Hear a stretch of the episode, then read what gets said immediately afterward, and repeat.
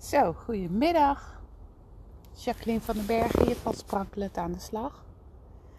En eh, ik keek net naar de datum van de laatste podcast die ik had ingesproken. En dat was 23 mei 2020.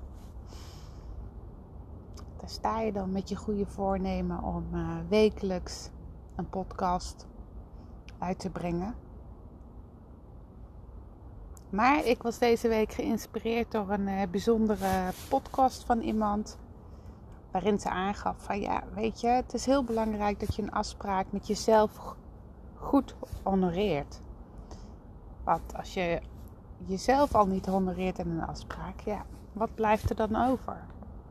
Ik ging daar eens over nadenken en um, dat had een. Uh, een kern van waarheid in natuurlijk. En omdat ik podcast tegenwoordig heel erg leuk vind om te luisteren, had ik wel zoiets van: hé, hey, dat ga ik weer eens oppakken. En nu zit ik lekker met mijn kop in de zon, buiten, terwijl ik deze podcast inspreek. En dat voelt heerlijk. Nou, deze week uh, staat in het teken van moeders. Gisteren bedacht ik me nog dat het alweer een paar dagen geleden is dat ik mijn eigen moeder heb gesproken. En vorig weekend was ik op een werkweekend en schreef ik op een gegeven moment een brief aan mijn klant. En wat heel bijzonder was, dat in die brief voorkwam hoe mijn klanten worstelen met de relatie of in de relatie met hun moeder. En natuurlijk wist ik van mijn eigen relatie met mijn moeder. En tot op heden had ik niet eens gerealiseerd dat mijn klanten dat ook hebben. Dus ik dacht, hé, hey, dat is wel even iets heel moois om verder op in te tunen deze week. Daar heb ik ook al een uh, blog over geschreven. Die ga ik ook nog posten. En dan nu deze podcast. Want de hele week ging dat thema maar door mijn hoofd en door mijn hoofd. Ook een beetje aan het kijken van ja, wat is dan, wat is dan fijn of handig om te communiceren daarover. En toen ben ik dat blog gaan schrijven en het eerste wat in me opkwam is gewoon mijn eigen verhaal. En tot mijn grote verbazing uh, merkte ik deze week dat het zeg maar meer en meer naar voren kwam. Dus gisteravond gezellig uh, aan het borrelen met een vriendin. En uh, we praten zo over het werkweekend dat ik vorige week uh, had. En over mijn ontdekking. Hè, mijn ontdekking dat mijn ideale klanten, wat dat mijn klanten ook diezelfde worsteling hebben met hun moeders. En ze kijkt me aan en ze zegt: Ja, maar dat heb ik ook met mijn moeder, dat weet je toch? En het was even zo'n moment waarop we elkaar aankeken en er een soort van stilzwijgende verbinding was tussen ons. Want ja, we hadden nog meer iets gemeen. En ineens, ondanks dat we elkaar al jaren kennen en ondanks dat we het misschien wel van elkaar wisten, was dit voor het eerste keer dat het gevoel er ook was. Nou, en het gaat door, want uh, vanochtend had ik een gesprek met een klant die volgende week uh, bij mij uh, een vraag komt inbrengen tijdens een opstellingsavond. En ze geeft aan dat ze ja, nog niet helemaal zeker weet waarover ze haar opstelling wil doen. En dat ze twee thema's heeft die ze zou willen inbrengen, of eigenlijk beter gezegd twee situaties. Ja, en je voelt hem al aankomen. Een van de twee betreft toch haar eigen moeder. En ik vind het zo mooi dat dit gebeurt. Dus iets wordt heel erg bewust bij mij. Ik speel daar met heel mijn wezen, mijn zijn op in. Ik heb nog niks gepost over moeders, niks gepost als in een blog of in een ja, social media post of iets dergelijks. En toch gaat het al gebeuren en trekt het aan. Ja, wat is dat dan met moeders? Ja, voor mij um, is het zo dat ik nu heel beredenerend kan zeggen dat mijn moeder emotioneel niet beschikbaar was. En uh, daar kan ik allerlei redenen voor bedenken, gezien ja, haar levensloop. Ze heeft twee verschrikkelijke zaken meegemaakt. Ten eerste de Wereldoorlog en uh, daarna de watersnoodramp. Tijdens de Wereldoorlog was zij uh, twee toen hij begon en zeven toen hij was afgelopen. En uh, nou ja, amper uh, zeven, acht jaar later heb je die verschrikkelijke watersnoodramp. En ik zeg verschrikkelijk, want ik hoorde natuurlijk wel eens verhalen van haar over. En ja, dat was echt verschrikkelijk wat zij daar heeft gezien en meegemaakt. En ook hoe ze heeft uitgelegd dat in haar optiek een boom levensreddend is geweest voor haar gezin. Want uh, zij gelooft oprecht dat als die boom er niet was geweest, dat hun hele huis zou zijn weggevaagd door de woeste zee. Ja, dat verhaal, dat heeft echt wel indruk op mij gemaakt. En uh, natuurlijk vul ik het allemaal in, hè, want um, het is niet iets wat ik tegen mijn moeder zeg van joh, hé, hey, uh, je was er emotioneel gezien niet. En uh, waardoor komt dat nou? Um, en dat is natuurlijk het moeilijke hieraan, is dat ik ergens last van heb, maar ik hoef die last niet op die manier weer terug bij haar te leggen. Want met wat zij heeft meegemaakt, heeft ze natuurlijk ook haar eigen um, weg moeten zoeken. En ik zeg het een beetje bedenkend, omdat ik ondertussen ook een beetje uh, zoek naar de woorden.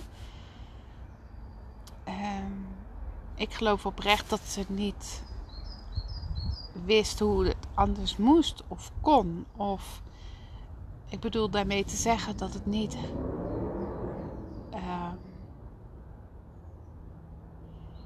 ja, het was niet haar bedoeling geweest om niet emotioneel beschikbaar te zijn. Natuurlijk niet. Maar het gebeurde wel. En met haar verwijten dat ze dat niet was, kom ik zelf geen steek verder. Het bij haar weer terug neerleggen ook niet. Want dan zadel ik haar alleen maar op met een bepaald gevoel waar ze, waar ze toch niks mee kan. Kijk, ik hoef niet haar last te dragen. Dus energetisch gezien mag ik die aan haar teruggeven. Voor zover ik dat niet al gedaan heb. En voor de rest is het mijn pakje aan wat ik doe met mijn gemis hierin, onze relatie. Ja, want er is wel degelijk een gemis. En uh, op het moment dat er een gemis is, is er ook een verlangen. Dus wat miste ik? Ja, ik miste heel erg haar knuffels. Haar zeggen: Ik hou van jou. Daarom zeg ik bijna elke avond tegen mijn zoon: Ik hou van jou. En hij zegt dat ook terug. Dan krijg ik ook een beetje op mijn vlekken, want hij zegt het vaak als eerste. Hij zegt: Mama, ik hou van jou. Dan zeg ik: Ik hou van jou, Luc. Nee, mama, je moet zeggen: Ik hou ook van jou. Maar ja, dat is goed, Luc. Ik hou ook van jou. Maar het fijne is dat je dat zo makkelijk tegen elkaar kunt uitspreken. Die affectie kan tonen. En dat was mijn gemis bij haar voor mijn gevoel kreeg ik geen affectie. En was er geen warmte.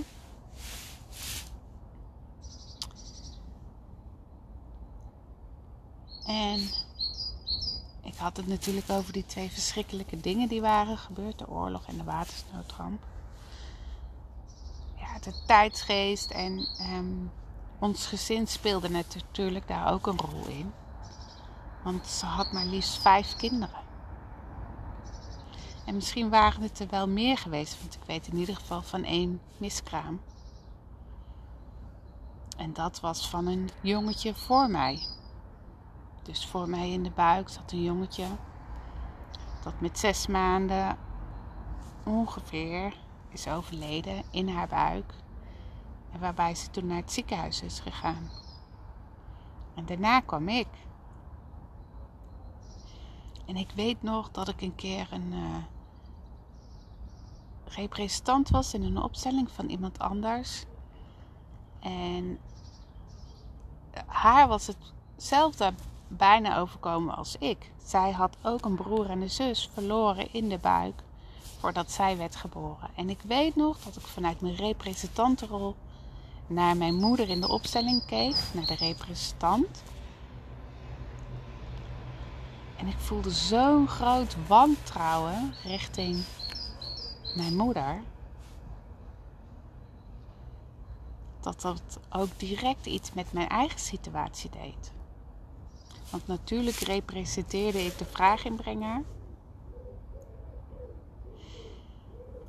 Maar ja, de situatie leek ook te veel op elkaar om niet dat besef te hebben van hé, hey, oké, ik zelf heb ook een wantrouwen richting mijn moeder. Want voor mij in de buik was het daar allemaal niet zo uh, soepeltjes gegaan, om het maar heel uh, simpel te zeggen. Ja, dus dat zou misschien nog wel eens de derde, de derde reden kunnen zijn dat zij wat minder affectie toonde, omdat ja, ze had een kindje verloren. En daar werd nooit over gesproken. En vervolgens krijg je een kindje, een meisje, die altijd is verteld als jij een jongen was geweest, dan zou je Jacques zijn geheten in plaats van Jacqueline. En toen iemand mij vroeg hoe heette jouw broertje, was het eerste wat in me opkwam Sjaak. Ja, dus ik identificeerde mezelf wel met hem. Maar het voelt ook als een enorme eenheid. En vervolgens zegt deze kleine meid tegen haar moeder: Nou, ik wil eigenlijk nog wel een broertje, mama. Hmm. En niet om mezelf een, een bepaald gevoel aan te praten, maar wel van ja, dat ik me kan voorstellen nu ik zelf ook een kind heb. Ja, dat het best wel wrang kan zijn als zo'n kind dat in alle onbewuste, onbewustheid, onschuldigheid, naïviteit tegen je zegt.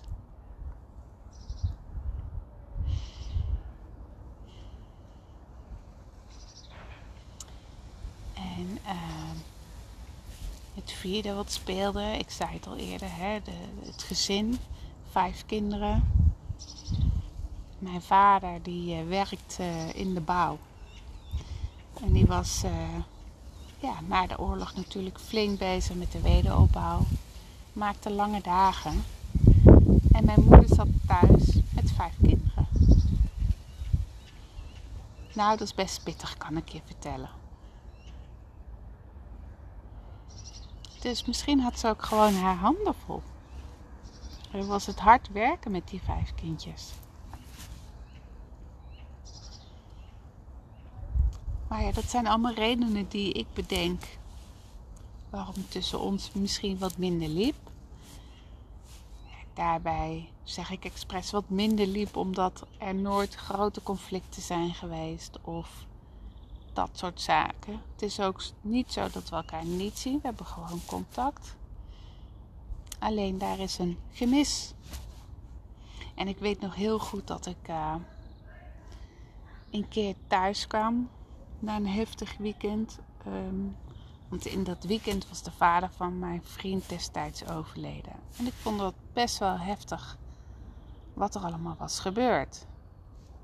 En ook hoe mijn eh, vriend zich gedroeg. En wat er met hem gebeurde. Dus uh, ja, ik kende zijn vader niet eens en toch ja, was het een hele bijzondere situatie. En ik merkte dat ik daar echt wel even van door was. Dus nadat ik bij hem wegreed, besloot ik door te rijden naar mijn ouders. En uh, daar even verhaal te halen. En ik weet nog dat twee zussen van mijn vader net op bezoek waren toen ik daar kwam. En uh, ik loop naar mijn moeder toe en ik pak haar vast en ik moet gewoon eigenlijk keihard huilen. En mijn moeder die dacht dat ik aan het lachen was. En op het moment dat we elkaar loslieten, zag ze pas van hé, hey, oh, ze is verdrietig. En ik zag gewoon de totale ontreddering op haar gezicht. Ze wist gewoon niet hoe ze ermee om moest gaan. Ook natuurlijk omdat er visite was. Maar ze stond letterlijk met de handen in het haar. En, en ik voelde me alleen nog maar meer alleen. Zal ik nooit vergeten dat een van de zussen van mijn vader naar me toe kwam. Zag dat ik verdrietig was. En me een dikke knuffel gaf. Net wat ik nodig had op dat moment. Ik verwijt het mijn moeder ook helemaal niet. Het is. Maar het is wat het is.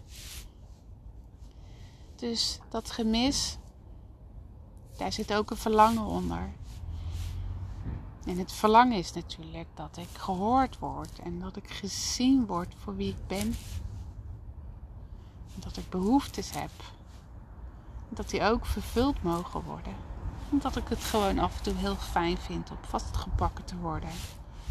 En te worden verteld dat iemand trots op me is of van me houdt.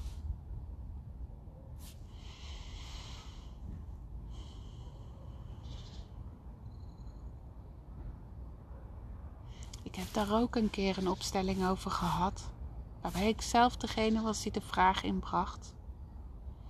Want wat ik merkte is dat ik onbewust datgene wat ik zo graag wilde en niet kon krijgen van mijn moeder, dat ging ik halen bij mijn partner, bij mijn vriend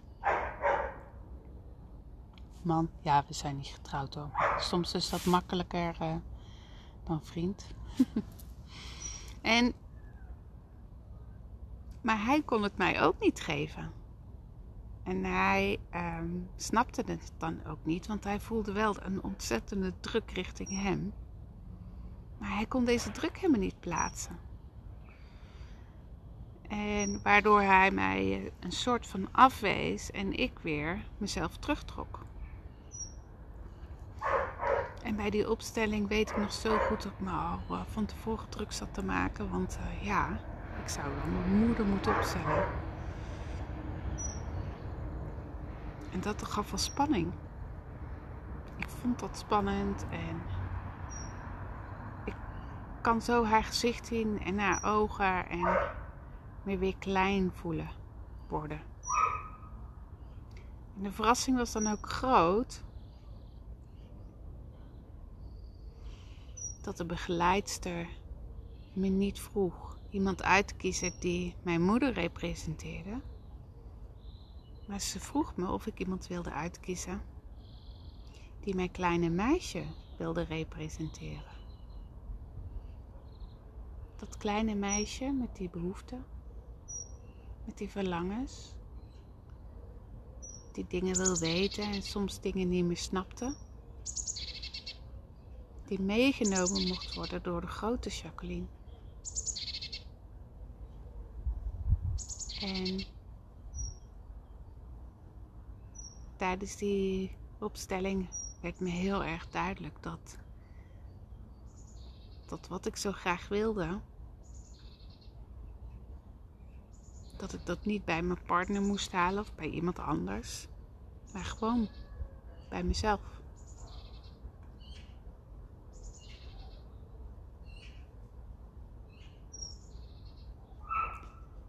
En dat was een, uh,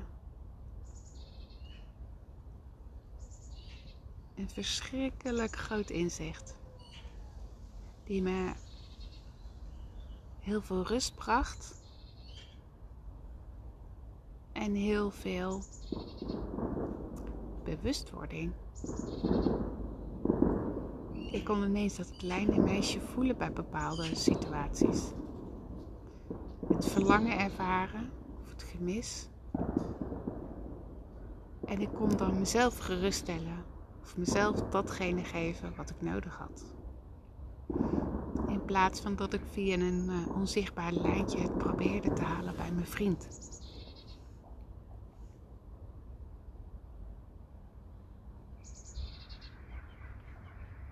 En dat was echt een eye-opener.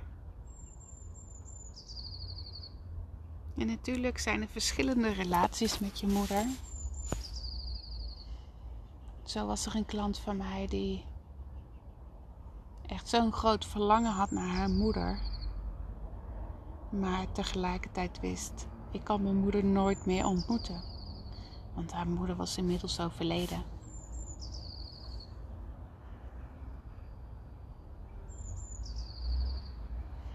Of een andere klant, waarbij haar ouders uh, waren gescheiden toen ze al heel jong was. En vanaf dat moment haar moeder elke keer of vaak voor het gevoel van mijn klant een andere partner had. Waardoor zij het gevoel kreeg: hé, hey, mijn moeder vindt een partner belangrijker dan haar eigen kind. Of een andere klant die heel ver weg woont van haar moeder en geplicht, plichtsgetrouw, niet geplichtsgetrouw, maar plichtsgetrouw, haar elke week op vaste dagen en tijden belde, omdat ze vond dat werd van mij verwacht. Zo hoort het. Maar die gesprekken gaven haar totaal geen energie.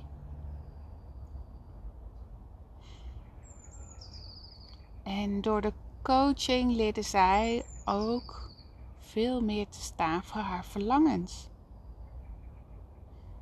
en behoeftes. Want je zomaar overgeven aan de omgeving waarbij je niet voor jezelf zorgt, dan loop je jezelf uh, voorbij.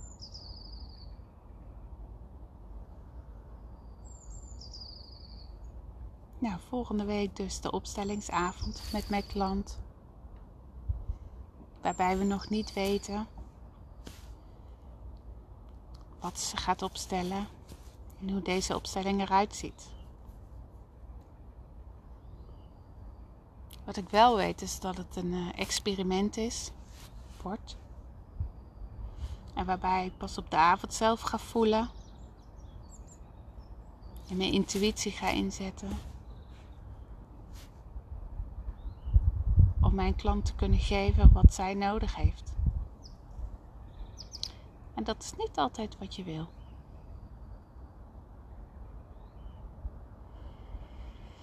Nou, mocht jij uh, in de relatie met je moeder ergens tegenaan lopen. Nou, mocht je je verhaal willen delen. Een luisterend oor willen hebben. Nou, weet dan uh, dat ik er ben. Nou, Af en toe komt de zon achter de wolken vandaan. En dat is echt zo'n heerlijk gevoel. Zo'n medio april. Dat ik nu lekker van de zon verder ga genieten. En ik wens jullie nog een fijne dag. En bij deze beloofd. Tot volgende week. Groetjes. Hoi hoi.